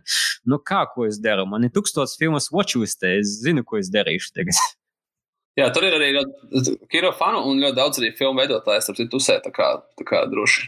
Join. Tāds uh, grāmatmīļš zinās, droši vien gudrīts, tas ir vienkārši tāds filmu ekvivalents tā lapa. Būtībā. Nu, jā, jā, ar daudz labāku dizainu. Jā, jā, jā. tas ir absolūti. Uh, bet, uh, jā, un tad izrādās, ka manā Letterboxd profilā ir ielikts uh, Shawshank Redemption kā viena no manām mīļākajām filmām. Un uh, man ir, laikam, godīgi jāatzīst, ka to, es to izņemšu ārā, tāpēc, ka tā ir brīnišķīga filma. Bet man liekas, ka es gribēju izrādi, iz, izlikties gudrāks nekā es īstenībā esmu. Tāpēc, ka uh, ir mīļākās filmas, un, un tur es gribētu arī, arī akcentēt, ka ir mīļākās filmas un ir ļoti daudz filmas, kuras es respektēju, bet es ne obligāti mīlu. Piemēram, Runner noteikti ir filma, kurai es lieku 5 zvaigznes no 5, 10 no 10, 100 no 100. Es viņu ļoti respektēju, bet vai tā ir mana mīļākā filma? Nē, diez vai nebūs. Uh, un, kad mīļākajām filmām nav obligāti jābūt labām filmām, kā to arī pierāda uh, jūsu klausītāja iesūtītās, iesūtītais saraksts. Un es saprotu, ka manas mīļākās. Vai, vai ne tikai tā, lai, vai uh, mums nebūtu kritika uz mūsu lasītājiem, es pieminēšu kādu faktu, ka, Es pieminēšu tādu faktu, ka Polam Tomasam Andersonam viena no mīļākajām film, filmām ir uh, Adama Sandera komēdija Big Daddy. So, uh, katram savs. katram savs, jā. Pagaid, kā, kas tur bija? Kubrikam bija, viena no mīļākajām filmām, es tagad mēģināju, kur tā bija. Ļoti ļoti arī. Nu, kaut, kaut, kas, kaut kas uz to pusi, bet viņš sanāks, jā, tā kā to var, to var īstenībā uzgooglēt un, un apskatīt. Un, jā, un es saprotu, ka manas mīļākās filmas, laikam, ir tādas, jā, kas ir, kurās es gribu atgriezties, vai tādas, kuras man ir kā uh, komforta, tāds komforta kino, ko es arī bieži skatos, uh, un ap, absolūti apzinos, ka tās nav īsti labas filmas. Es tagad nosaukšu, uh, ko es ļoti bieži skatos, kad, teiksim, kā, kad man ir emocionāls tāds downers un, un, un bijuši bēdīgi, un es gribu kaut kā sevi emocionāli pacelt. Uh, Trading Day, Batman Begins. Nevis pārējās divas, bet tieši Begins. Man liekas, ļoti optimistiska filma. Uh, Just Shooter, ar Marku Valbergu. Man šeit atrast pilnīgi visos straumēšanas servisos. Nu, tu pārsteidzi, ka tev tur ir filma ar Marku Valbergu. Jā, nebūtu gaidījis. Vien, vienīgā, jā. Miami Vice, kas ir noteikti objektīvi vissliktākā Maikla Banda filma. Uh, es to atzīstu. Ja vari lūdzu pie katras filmas teikt, vai tur ir Marks Valbergs vai nav Marks Valbergs? Nē, tikai, tikai, tikai vienā Marks Valbergs ir. Jā. Uh, trans, transporter otrā daļa. Nevis pirmā, nevis trešā. jā, jā, jā, bet tieši otrā daļa man šeit ir sasniegusi tādu perfekto līdzsvaru tajā visā. Uh, nu jā, un, uh, un kas visām šīm filmām ir kopīgs, uh, ir tas, ka uh, viņas ir par baltajiem vīriešiem, kurus uh, mm. kāds nepatiesi apsūdz noziegumā, ko viņi nav izdarījuši. un tad viņi atriebjās un uh, beigās uh, caur atriebību kaut ko iegūst. Jā, nu, izņemot, izņemot training day, tur man liekas, tas ne, ne, neatbilst, bet visām pārējām filmām ir uh, šis te precīzi. Jā. Un, uh, un tad es sapratu, ka kaut kas man tur laikam tajā visā ļoti sasaistās. Tā gladiators vēl bija turpatās, un arī viņam ir praktiski tāds pats sižets. Baltais vīrietis, kas nepatiesi apsūdzēja un viņš atriebjās. Man liekas, ja es šobrīd nekļūdos, tur ir vēl viena lieta visām šīm filmām kopīga, tā, ka nevienā no tām nav Vins Dīzels. Jā, tā, tā ir. Tā ir es, es gribēju ko, es gribēju zināt, ko pielikt kaut kādu komando pie šī. Tā, bet, nu, jā, tur ir balsīs viens atriebība. Nu, jā, man kam nav neviena mīļākā. Ā, nē, piedod, Līva, tev ir absolūti taisnība. Tu kļūdies, ne, bet tu esi, tev ir absolūta taisnība. Vēl uh, starp šīm uh, komforta sliktajām filmām ir uh, Ridika triloģija. Noteikti. Ah, Visu, nu tad... Jā, tā tur ir viss dīzels. Uh, viņš tiek nepatiesi apsūdzēts. Tas jau uztrauc. jā, jā, jā. Ridika triloģija. Es nezinu, kur man patīk visas, jo viņas ļoti dažādas. Un, laikam, varbūt otrā un trešā daļa vairāk. Pirmā tāda. Ne, pirmā arī ļoti forša. Un tā. tā kā jā, un šis saraksts, protams, ir tā, ka tas ir ot, ot šajā brīdī, man liekas, ka tās ir kaut kādā ziņā mīļākās filmas, bet uh, manā galvā viņām ir ļoti precīzi. Precīza funkcionāla nozīme, kad, kāpēc viņas ir mīļākās, kāpēc es viņas skatos, jo viņas tiešām viņas visas ir par būtībā kaut kādu vienu tēmu. Interesanti uh, jā, mēs, uh, mēs varam pāriet, uh, pāriet uh, katrs izdara savu secinājumu pats par mani, bet uh, pāriet pie tā, ko, tad, uh, ko mums iesūtījuši klausītāji, lasītāji. Manuprāt, ļoti interesanti. Uh, es vēlreiz nolasīšu, un tad mēs kopīgi izdiskutēsim, ko, tad, ko tas nozīmē. Sāksim ar to, ka tur bija ļoti daudz uh, paredzami un apsveicami nosaukumi. Mēs šobrīd runājam par, uh, ja tev būtu jānosauc viena mīļākā filma. Uzdevums, ar kuru ne visi cilvēki tika galā. jo komentāros saka rakstīt vairākas. Mēs jau paši netikām, man liekas, galā. jā, bet tomēr tu, tev, tev, tev, tas ir jāpiespiež sev un jāizspiež tā viena. Ja būtu viena, nu, kā Back to the Future, The Matrix, Fight Club, The Godfather, Interstellar un Lord of the Rings. Vairākas no šīm filmām atkārtojās daudziem cilvēkiem. Manuprāt, ļoti tādas uh, apsveicami paredzams izvēles, tāpēc, ka tās ir jā, tādas filmas, kurās tu vari pazust. Nu, īpaši, tur nezinu, Lord of the Rings. Uzskatīsim, ka tā ir viena filma. Man pārsteidz īstenībā tas, ka, man liekas, vairāk kārt tika pieminēta Interstellar, jo tā laikam nebūtu, tas būtu gaidījis, nebūtu gaidījis, ka cilvēki to minēs, jo viņi tā kā, man liekas, kad iznāca, tas kaut kā tas hypes par viņu nebija tāds. Tā īstenībā būtu, tā bija viena no tām, ko es apsvēru savā topā, man arī ļoti patīk spēlēs, neko no Nolana neieliku sev par lielām šausmām. Bet uh, es būtu gaidījis drīzāk pat Inception, varbūt minētu, vai kā. Tā kā īstenībā šī filma laikam ir kaut kādu tādu nospiedumu pamatīgāk nekā sākotnēji varbūt likās. Man liekas, ka viņi ir ļoti populāri. Es, kā, nu, es zinu, daudz cilvēku, kas ļoti, ļoti patīk. Es, es domāju, ka viņu septiņas reizes redzēju kinoteātrī. Tā kā es esmu no tiem, kas man ļoti patīk, bet, uh, bet, uh, bet uh, es kaut kā nezināju, ka citiem viņi arī tik ļoti patīk. Bet tas man priecē. Tikai un vienīgi. Tam mums bija tāds ļoti interesants intelektuāls izvēles, par kuras esmu ļoti patīkami pārsteigts. Kad uh, mūsu lasītāju vidū ir cilvēki, kuri savu mīļāko filmu ir nosaukuši, piemēram, Lost Highway, Tarkovska Stalkeru, Raging Bull, uh, Monty Python and the Holy Grail. Man citādi, citreiz rodas jautājums, kāpēc jūs uh, vispār mums sakojat? Mēs tā kā, nu šeit, jūs esat virs, virs mums kaut kur ar šādām mīļākajām filmām, bet uh, interesants izvēles ļoti, manuprāt. Tad ir ļoti daudz, daudziem cilvēkiem patīk filmas par bandītiem. Tas nav pārsteidzoši. Mēs dzīvojam bijušās padomju savienības teritorijā. Un, uh, mums bija ļoti populārs uh, filmas par mentiem, brālis, bumerus un tā tālāk. Smējies vai nē, tas atstāja savu nospiedumu. Kā tas novilkīja? nē, nē, nē, es, es, es, to, es, to domāju, es to domāju pilnīgi nopietni. Tas, tā kā, tas ir smieklīgi, bet tas ir fakts, ka, manuprāt, manuprāt tas ir atstājis nospiedumu. Gan, gan Latvijā, kā, kas ir bijusi kādā nepadomju savienības, gan šī bijuši Krievija, ir ārkārtīgi populārs tas bandītu žanrs populārāks nekā citur pasaulē, populārāks nekā, piemēram, Skandināvijā, kas ir uh, dzīvojušas uh, ļoti komfortabli pēdējos 30, 40 gadus. Tur, tā, tur tie topi ir pilnīgi citādāki. Bet uh, pie mums uh, klausītāji pateica, ka Once Upon a Time in America, Goodfellas, Heat, Bruges mm, un uh, jau minētais Godfather. Fairy tale. Ļoti, ļoti, manuprāt, tādas klasī izvēles, bet joprojām tas ir filmas par bandītiem. uh, kā arī tāds filmas kā Ocean's Eleven, nu arī filma par bandītiem, vai arī es nezināju, kurā kategorijā šo ielikt. What Dreams May Come, filma ar Robinu Williamsu, bet es domāju, ka tā ir tāda filma, kas uh, es esmu dzirdējis, ka ir dažus cilvēkus ļoti aizķērusi. Par, uh, Bet par, kāpēc viņi ir par bandītiem? Nē, viņa par bandītiem tā nav. Tā ir citā kategorijā. es nezināju, kur viņi ielikt. Noteikti ne pie bandītiem. Jebkura cita kategorija. Bet, jā, paturpinot par bandītiem, tas jau ir vienkārši skaidrs, ka tāpēc arī tik ļoti populārs ir Brālis, Bumers, uh, Gaja Ričī filmas, uh, ārkārtīgi populārs. Nu, tieši šajā, šajā teritorijā. Piedos, ka, uh, šis ir audio versija, bet es nevaru beigt skatīties uz Uju, kuras esmu par bandītu kategoriju. What dreams may come? nu, varbūt, tur, varbūt es neatceros to, kam nebija bandīts šajā filmā. Negluži ne. It was an honest mistake. Robins Williams kinda dodas aizpasaulē, lai atgrieztu savu mirušo sievu, bet fair enough. Viņš ir tā kā, tāds tā kā bandīts, kas grib ievalsties aizpasaulē un atgriezties atpakaļ.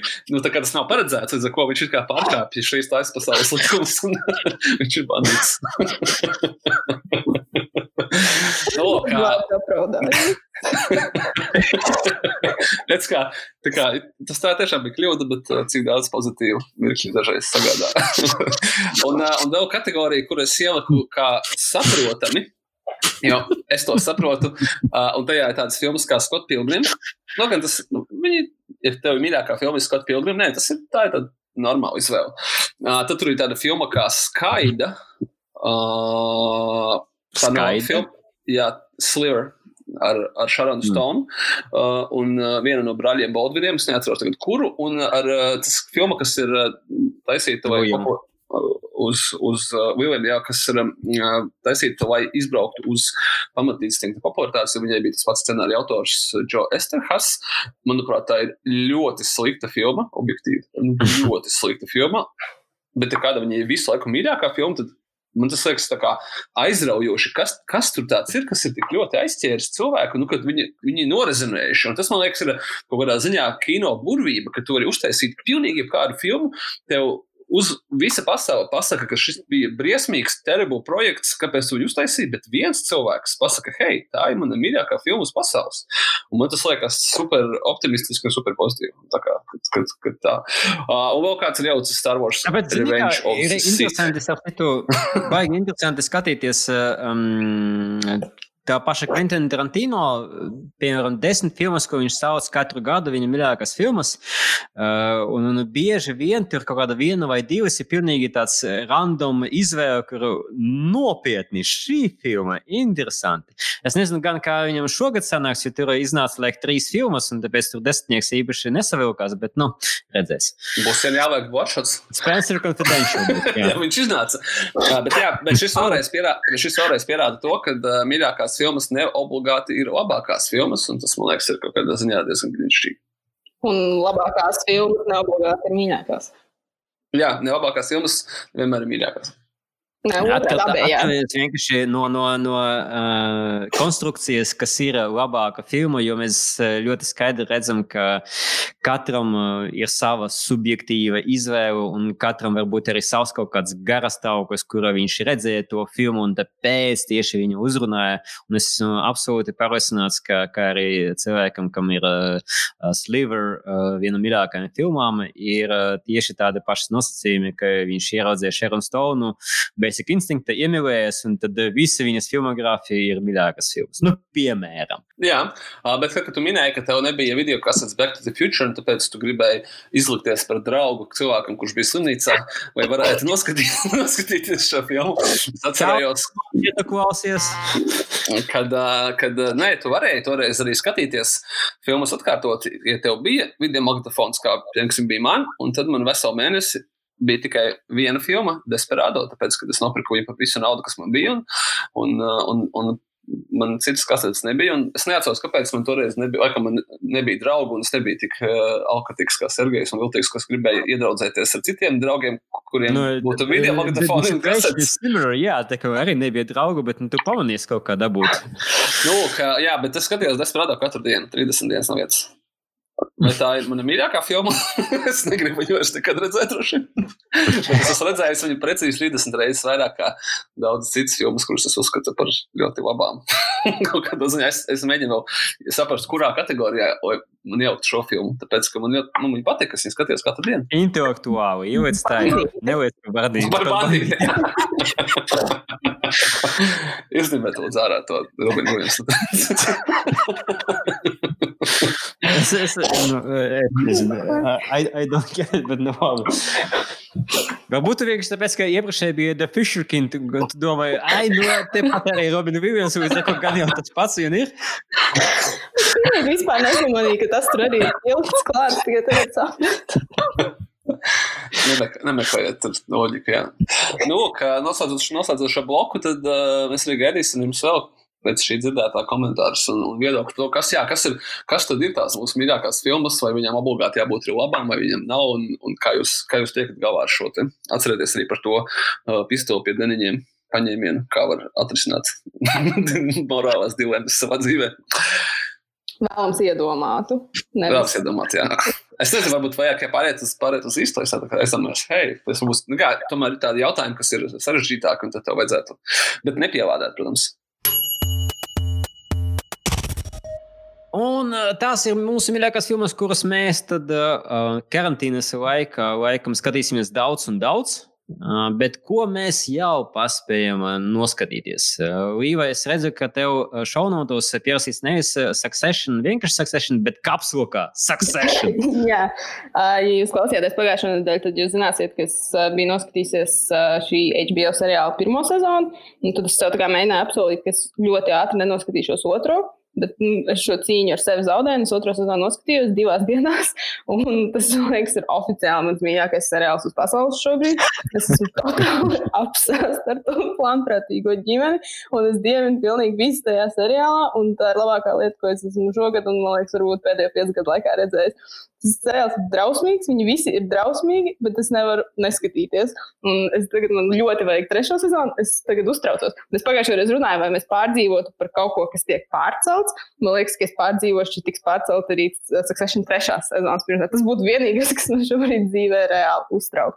Tā kā jūs neskatāties šo seriālu, obligāti noskatieties. Es, es, es tiešām, es neesmu, man liekas, es neatceros pēdējo reizi, kad es kaut ko skatījos tā kā burtiski saķērusi galvu rokās. Tas es tā pārdzīvoju par to visu.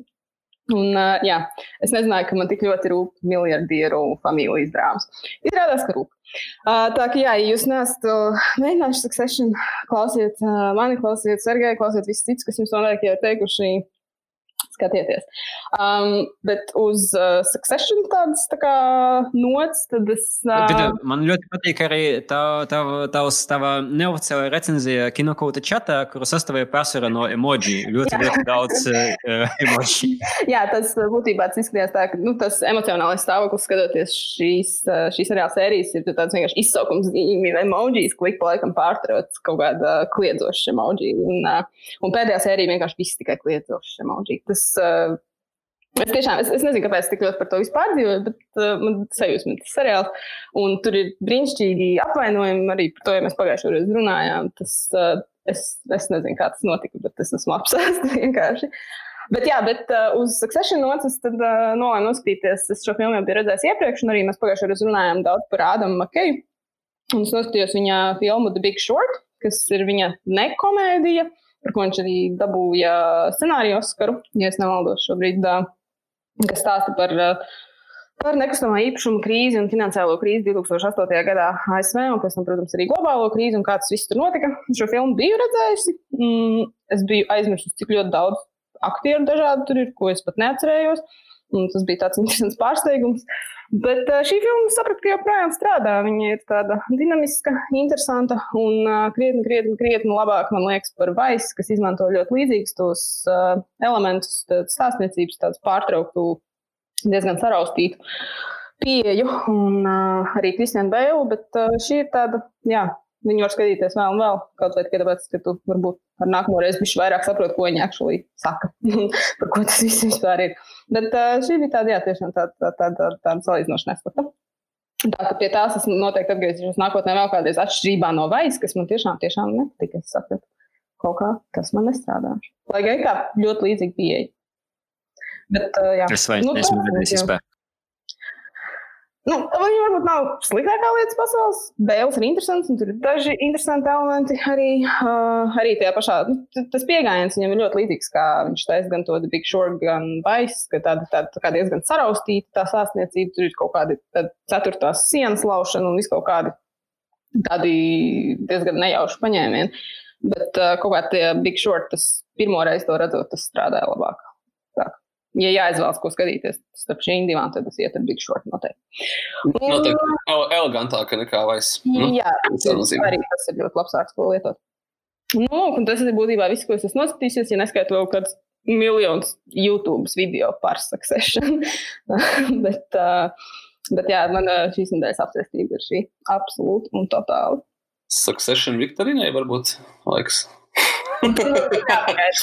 vēl trešā sezona, lai tur ir tā. Kaut gan varētu, jo es jau sāku, es iedomājos raundus visādi citāti ar apvainojumiem, kaut kādas tur ģimeniskās, un tur varētu, jā, tam pat. Patāp, patāp, šito mēs. Jā. uh, man, ir, man ir tāda kino, man tāds kino fetišs, es viņu sauktu, uh, fascinācija ar uh, ļoti lielu budžeta, nepārāk veiksmīgām filmām. Man ļoti patīk viņas skatīties, tā kaut kā tā, kā tā, tā pēc tam, kad viņas ir iznākušas daudz gadus vēlāk, un, uh, un tā negluži baudīt, bet analizēt. Un, uh, tur ir divas lietas, uh, kā es esmu priekš sevis sapratis. Tad, um, pirmkārt, man interesē, kas ir aizgājis nepareizi. Nevis, ka kāds kaut kas aizgāja pareizi, tad tas viss ir dzirdēts un jau redzēts, un, un, un mēs esam par to nu, kā, kā minimums lasījuši. Bet ļoti mazāk mēs esam lasījuši vai pētījuši, kas ir aizgājis nepareizi. Un otrs, tas, kad, kāpēc es minēju tieši lielu budžetu, tāpēc, ka šajās filmās ir parasti ļoti, ļoti krūts un uh, visbiežāk uh, augstākā, augstākās klases, 10 no 10 uh, produkcijas darbs. No cilvēkiem, kas reāli veido kino, kas būvē dekorācijas, kas šūj kostīmus, kas visu kaut ko vēl taisa.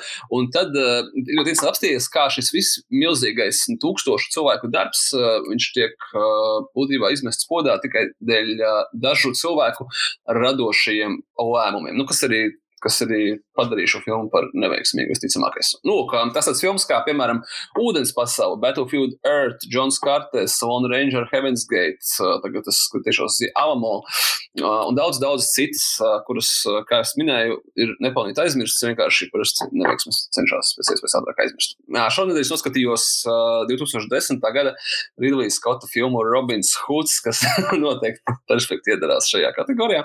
Un patiesībā ļoti sen bija filmas būrējs, un es gribēju noskatīties un, un noklausīties komentārus un apstīties, kā viņi viņu veidoja. Lai saprastu, jā, kas tur, kas tur ir aizgājis, aizgājis greizi. Uh, atcerieties, atcerieties šo filmu? Jā, un zinu, kurā vēl kategorijā viņi ieiet. Bandīti. Nu? es domāju, ka mēs tagad turpmāk eh, pieaugsim klāt uh, vienkārši šokā kategorijā. Tā kā fantastika, komē, fantastika komēdija piedzīvoja filmu bandīti. vai, filma varbūt kategorijā bandīti? Es domāju, ka es Robin, tu kādās visu laiku Gold Will Hunting vai visi Hellfire, visi, visi, jā, viņiem bija bandīts. Bet uh, es Robinu Hudu atceros, un, bet es viņu vislabāk atceros, kā, liekas, viena no pirmajām filmām, kuras ievēroja Oskaru Aizaku. Jā, jā, jā, tur ir Oskars Aizaks, tur jā. ir Lea Seidu, tur ir uh, šis te uh, Ulks Evans, mikroskopiskā lomā, ka viņš vēl nevienam nebija zināms, un, uh, un skaidrs, es skatījos režisoru versiju, nu, jau tā kā skaties, tad vismaz nostīsies arī to pilno. Viņa ir divas ar pus stundas, un uh, viņas galvenā problēma, manuprāt, ir uh, tas, ka jā, viņa sākās kā, sākās kā projekts ar nosaukumu Nottingham, kas būtu domāts pastāstīt to visu no šerifa skatu punkta. Uh, tad uh, tas projekts bija, kad uh, šerifu un Robinu Hudu tēvos Rasels Kraus. Abus tad uh, viņi atteicās no tā šerifa idejas vispār un, un uh, paņēma uh, leģendu par Robinu Hudu, ko mēs visi labi zinām, un kas ir diezgan vienkāršs un elegants stāsts, un sabāza viņu tik pārpildītu ar kaut kādām nevajadzīgām detaļām. Tur ir karš ar Franciju, tur ir pats Robins Huds, ir, nav pat Robins Okslijs, bet viņš kā izliekās par Keitas Blanšetas vīru, tāpēc, ka citādi viņa zaudēs kaut kādu to uh, mantojumu, tur kaut kāda tā, tur ir tik daudz nevajadzīgu supotu, un tas viss, protams, beigās nestrādā, bet nestrādā tāpēc, ka ir paņemts stāsts, kurš ir strādājis un apaudzēts ar bezgalīgi daudz uh, pilnīgi liekām un nevajadzīgām detaļām, kas nepadara viņu labāku, bet padara viņu tikai ļoti, ļoti sarežģītu. Jā, bet uh, Oso tā filma maksāja 200 miljonus dolāru. Viņi, viņas, viņi uzbūvēja pilnīgi visu, ko varēja uzbūvēt, un, um, un, un tā. Bet ko, kaut kādā ziņā viņi arī pazudināja, cik es uh, sapratu no uh, behind the scenes, tas, kad, jā, kad, kad uh, gan Ridlīs Skotta, gan Rasela Kroba ego bija, bija pārāk lieli Tur Ridlijs Skots pirms tam pateica, ka vienīgā iedzīgā filma par Robinu Hudu ir tā Mela Bruksa versija. Nu, viņai, jā, protams, tagad būs, un rādījās beigās, ka tomēr laikam palika, palika tikai Mela Brooks versija. Un, un noteikti, noteikti Kevins Kostners ļoti pamanīja. Vēl arī ar Keriju Ljuisu man ļoti patīk. Tā ir tā, ko es domāju tieši. Nu, jā, tā, jā, tā ir tā. Jā, jā, piedod, piedod. Nav arī Disneja. Kura? Disney, jā, pareizi par, par Lapas, par fantastiku, Mr. Fox. Un tad, piemēram, tur ir tādas uh, ego izpausmes, ka Rasels Kraus uh, audzējis esot garus matus šai lomai, un tāpēc viņš uh, divos iepriekšējos projektos, uh, State of Play un kaut kādā citā, kuram nebija saistības ar šo uh, filmu komandu, esot nesājis parūkas, un tad viņš esot pirms filmēšanas sākuma izdomājis, ka tomēr viņam būs īsi mati. un nogrēs. Nu, tā, nu, skaidrs, ka, skaidrs, ka tur tā kā baigā. Pagaid, šis bija tas uh, viens, tu sākumā minēji, ka bija kaut kā kādas izvēles un lēmumi, kuri padarīja to filmu par unsuccessful. Tas es domāju, tas es, es, domāju, es, domāju, ka, jā, es domāju, ka tas ir, nu tā, ka ja viņi, ja viņi piegāja, piegāja lietām ar šādu nopietnību, tad skaidrs, ka tur tā kā, nu, jā, tā, nu, interesanti. Ja būtu gari māti, būtu ideāli, bet nebija savu filmu izgāzās. Bet es sapratu, ka, jā, Rilijas Skots, Rilijas Skots kā brits, viņš gribēja šo kaut kādā ziņā es ne, negribu teikt galveno britu leģendu, tāpēc, ka droši vien galvenā britu leģenda ir tomēr Karls Arthurs, bet šo pasaules zināmo britu leģendu viņš gribēja kā, nostāt savus pēdas kino vēsturē un uz, uztaisīt filmu, kas parādīs, kā, nu, kā, tad, kā tad jābūt pa īstam īstai Robina Huda filmai, un, un tas arī bija kaut kāds viņa kā, neveiksmes cēlonis. Es domāju, tās ambīcijas. Kāpēc arī tika sarežģīta tā oriģinālā leģenda ar bezjēdzīgiem. Un tur jau Marks Strongs ar kaut kādu ļaundari, un tur ir šerifs Nottinghamas, kurš arī ir ļauns. Un, un, kā, nu, jā. uh, un neskatoties uz to visu, šī filma ir daudz interesantāka skatīties un analizēt nekā aizpagājušā gada Robins Huds ar Tārānu Džetonu, kas arī bija ļoti liela budžeta izgāšanās. Un uh, bija ļoti grācīga filma. Nav, es to, to noteikti neskatīšos mājās un neanalizēšu, kāpēc viņa neizdevās. Tur nav par ko runāt. Un jā, nu, jā, nu klausītājiem vispār uh, ir jautājums, kāpēc mums tik daudz Robina Huda filmu?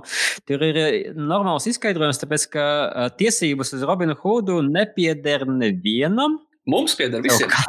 Public domain Amerikā, līdz ar ko uh, Ridlīs Skots var paņemt un uzfilmēt savu stāstu par Robinu Hudu. Tur skaidrs, ka, ja tu izmanto kaut kādus konkrētus elementus, kuri bija citās filmās, tad uh, tev jāprasa tiesības, bet uh, visā citādi Robin Hoods ir public domain, līdz ar ko, ja jūs gribat uh, Robinu Hudu no Valmieras uzfilmēt par viņu filmu, tad uh, parādiet Ridlīm Skotam, kā tas lietas tiek darīts. Un es savukārt noskatījos uh, seriālu jaunu Netflix, kas saucas Unorthodox. Uh, un uh, sižets ir par 19-gadīgo lēdiju Esteri, kura skrien prom no savas ultra pareizticīgo ebreju komunas Ņujorkā un skrien uz uh, liberālo Berlīni. Man uh, patika uh, tā pasaule, kuru viņi atrādīja ar visiem uh, notiekumiem, kas uh, ir iekšā tajā komunā, un cik ļoti viņi ir strikti, un, un kādas ir attiecības starp uh, vīrieti un sievieti, un, un uh, starp un kā, kā vispār, uh, ko, vai drīzāk, uh, kā tiek uzskatīts uh, sievietes tēls tajā pasaulē, un, un cik ļoti kardināli vai kontrastēni viņš ir liks pretī, teiksim, liberālai Berlīnai. Un tādā ziņā likās interesanti. Man drusku pietrūka tas, ka tas atrasināts dramatiski un, un, un vairāk sižetiski. Man liekas, ka ne visus personāžus autori novilka līdz galam. Un, un, tāpēc, ka pakaļ, pakaļ Esterei dodas gan viņas vīrs, gan arī viņa, viņa brālēns. Un, un, un liekas, ka ne visus personāžus viņa atstrādāja līdz, līdz tai um, satisfying kulminācijai. Bet visādi citādi seriāls ir interesants un, un ir interesanti um, paskatīties uz to, to jauno pasauli, uh, tīpaši tāpēc, ka pats seriāls ir balstās um, vismaz daļēji uz autobiogrāfiska romāna, uh, līdz ar ko uh, pata, uh, autorei, autores piedzīvojums un autores pie, pārdzīvojumi ir ielikti iekšā uh, seriālā, un viņi ir tieši patiesi. Tāpēc, tāpēc uh, tās detaļas ir diezgan interesantas. Bet, lai to tādu nevisai iepriecinošu garastāvokli noskalotu, mēs noskatījāmies ar sievu filmu Runaway Bride 99. gada, kad viss bija ļoti naivi un, un, un romantiskas komēdijas bija. Es nezinu, man liekas, ka 90. gadi ir tieši romantisko komēdiju tāds uzplaukums. Bija mūsu mīļākās komēdijas tādas, ka, nu, pārsvarā filmas filmas, kur, kurās ir Hugh Grants. Uh, bet vis, arī pārējās filmas, protams, bija uh, žanra romantiskas komēdijas, uh, un, un tas arī uh, ir ļoti vērtīgas un ļoti mīļas, ļoti naivas. Bet tas, kas man pārsteidza vairāk, teiksim, konkrēti Runaway Bride, ko es varbūt uh, mazāk minēju vai, vai sliktāk atceros, cik ļoti liels asshole ir Richards Giers pašā sākumā. Viņš ir tāds rītīgi pretīgs personāžs. Un, un, un es neesmu pat pārliecināts, ka viņš sevi ir dīmons, bet nu, gan jau. Vai viņu var jau kategorijā filmas par bandītiem? À, es tagad domāju, tur nav Robina Williamsa, līdz ar to liekas, ka nevar tomēr. Bet, Sergei, drīzāk tas jautājums tev nevis man. man liekas, ka uh, Džoja Roberts varētu būt tas bandīts šajā filmā. Kaut kāds viņa tā uzvedība bija tāda bišķiņa. Bandītiski, ja? Bandītiski. Man vienmēr ir ļoti paticis šīs filmas plakāts, kas ir ļoti burtisks, kur sēž Ričards Gīrs un Džulija Roberts kāzas kleitā, kur velk šņorē botas. Viņa ir burtiski skrienošā līga. Mm -hmm. yeah. Uh, bet uh, man savukārt patika, kā lokalizēja šo filmu Krievija kādreiz. Uh, to nosauca par Krasotka 2. tas ir tā kā Niko 7. nu, vienkārši tur ir Stevens Sigals, tātad tas ir Niko. Bet tas, ka viņi nesauc par Niko, tas nekas filmā. I mean, kā sīkumi. Par to mēs kaut kad uztaisīsim atsevišķu podkāstu. Par filmu nosaukumu. Par filmu nosaukumu. Es baidos, ka pat es nevarēšu izturēt podkāstu ar Stevenu Sigalu. Man, tā, man ir tā grāmata Sigaloģija.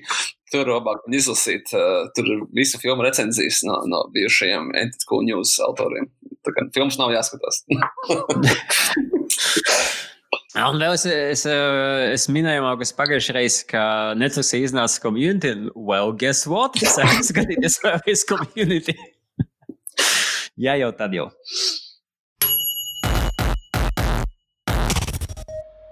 Citu, kas vēl šobrīd iznāk uh, streaming platformās, tāpēc, ka mēs zinām, kas iznāk kinoteātros, nekas. Mm, kinoteātros nekas. Straumēšanas platformās pagaidām vēl kaut kas iznāk, kaut gan, kā jau mēs iepriekš runājām, redzēsim, kas ar to notiks nākotnē.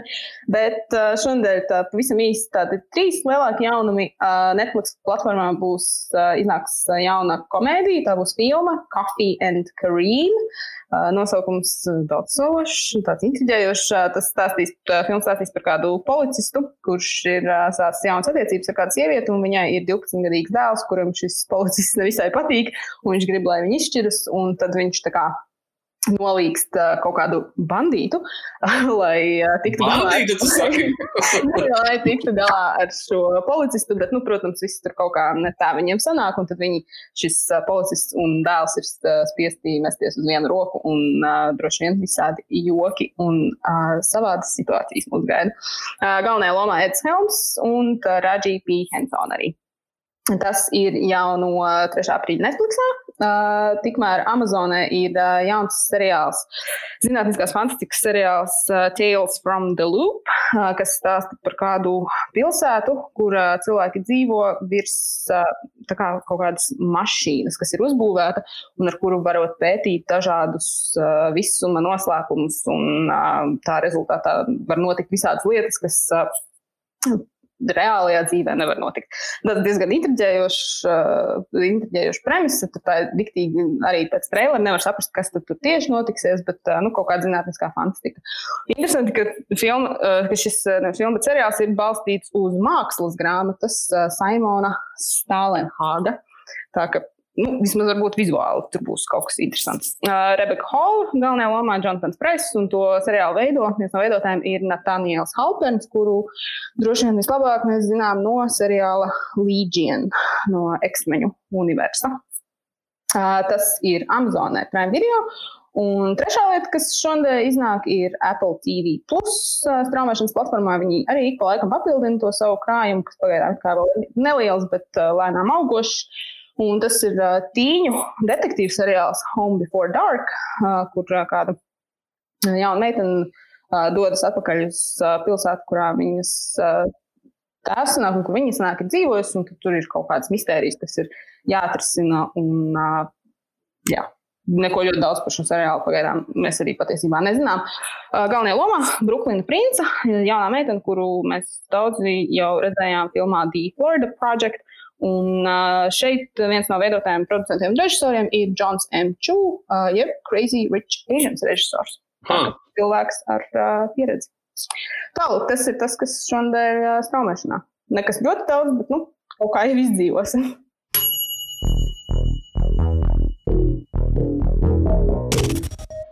Sergei, vai ir zināms, kas arī noteikti neiznāks kinoteātros maijā?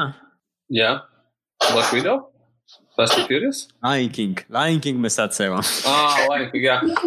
Kā sēns, kuru mēs šeit mēs esam vairākas reizes pārcēluši, bet mūsu, mūsu solījums jums, kā mūsu sēns apmeklētājiem, ir tas, ka tas Lion Kings notiks tādā vai citādā veidā kaut kad. Es domāju, ka tas, tas ir, tie ir mūsu jaunie mutanti. Jā, tie ir mūsu jaunie mutanti. Bet, uh, Pirmā par uh, bandītu skaru un bandītiem hienām. Ja? jā, tā, tā, tā noteikti ir bandīta filma.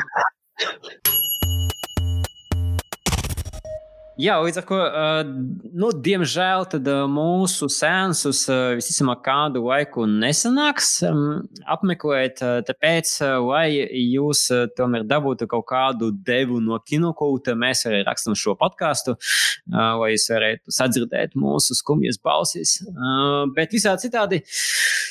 Klausieties, lūdzu, mūsu podkāstu savas mīļākās aplikācijas, Apple podkāstu, Storkas, Spotify, Anchor un tā tālāk. Ja ir iespēja, tad atstājiet, lūdzu, komentāru, atstājiet zvaigznes. Mums ļoti patīk lasīt komentārus. Tas arī iedod mums to, to enerģiju, lai turpinātu sazvanīties un rakstīt jaunus ierakstus. Un gaidām jūsu jautājumus, tīpaši tagad, kad mēs spējam uz, to, uz tiem atbildēt. Mums mums nav tik daudz kino ziņu. Gaidām jūs jautājumus uz hello at kinocodes LV vai arī mūsu sociālos tīklos. Mums, starp citu, ir arī tagad telegrams, arī tur var uzdot jautājumu. Šo raidījumu montējas Toms Cielēns, un mēs tiksimies ar jums jau nākamnedēļ mūsu nākamajā Covid emergency podkāstu, kuru atbalsta Stevens Soderbergs ar filmu Contagion. Uh, un tāpēc no kinokūta puses mums atliek tikai pateikt, mazgaiet lūdzu rokas un līdz nākamajai nedēļai. Un palieciet mājās. Kur uh, būs uh, filmas par pirātiem un bandītiem.